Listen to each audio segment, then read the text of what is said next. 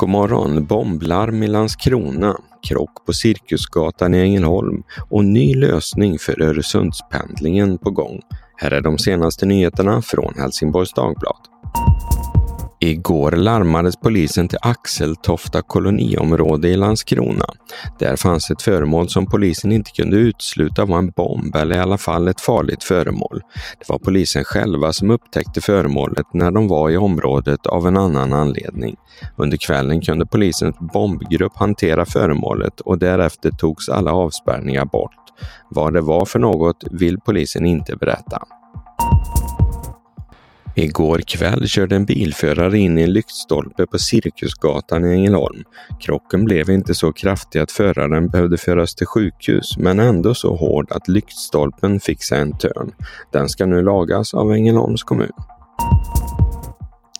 Sen årsskiftet har det varit både knepigare och dyrare att pendla över sundet från Helsingborg. Då hoppade nämligen Öresundslinjen av ett 23 år långt samarbete med Skånetrafiken och DSB. Men pendlare som har fått dubblerade kostnader har också fått stöd av såväl Helsingborgs som Helsingörs högsta politiker, kommunstyrelsens ordförande Christian Orsing och Helsingörs borgmästare Benedikte Kjär. De här har skickat brev till den danska transportministern och haft möte med Öresundslinjens ansvariga.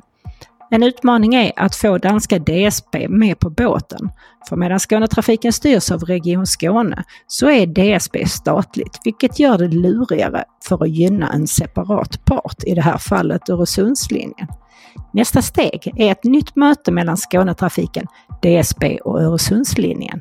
Deras ingångsvärde är att hitta en lösning. Gymnasieföretaget Havskraft säljer tång från Båstad i halvliterspåsar. Idén kom från en strandpromenad och i år blev det så kallade UF-företaget utsett av Ängelholms näringsliv till mest lovande UF-företag. Ungdomarna går sista året på ekonomiprogrammet på Ängelholms gymnasieskola. I höstas fick de tillstånd att plocka tång på stranden i Båstad. Tång som sedan tvättas, torkas, mixas och paketeras i en av föräldrarnas växthus innan den säljs i halvliterspåsar.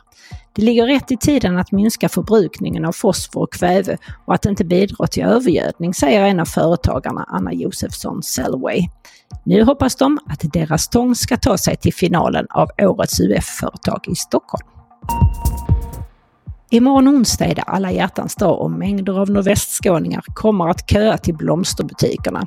Runt nyår och till alla hjärtans dag är rosor som dyrast. De säljs på internationella auktioner där priserna sticker inför högtiderna. Men floristerna är inte oroliga inför morgondagen. Trots att inflationen har slagit hårt mot mångas ekonomi så är blommor någonting man unnar sig, berättar florister som HD har kontaktat.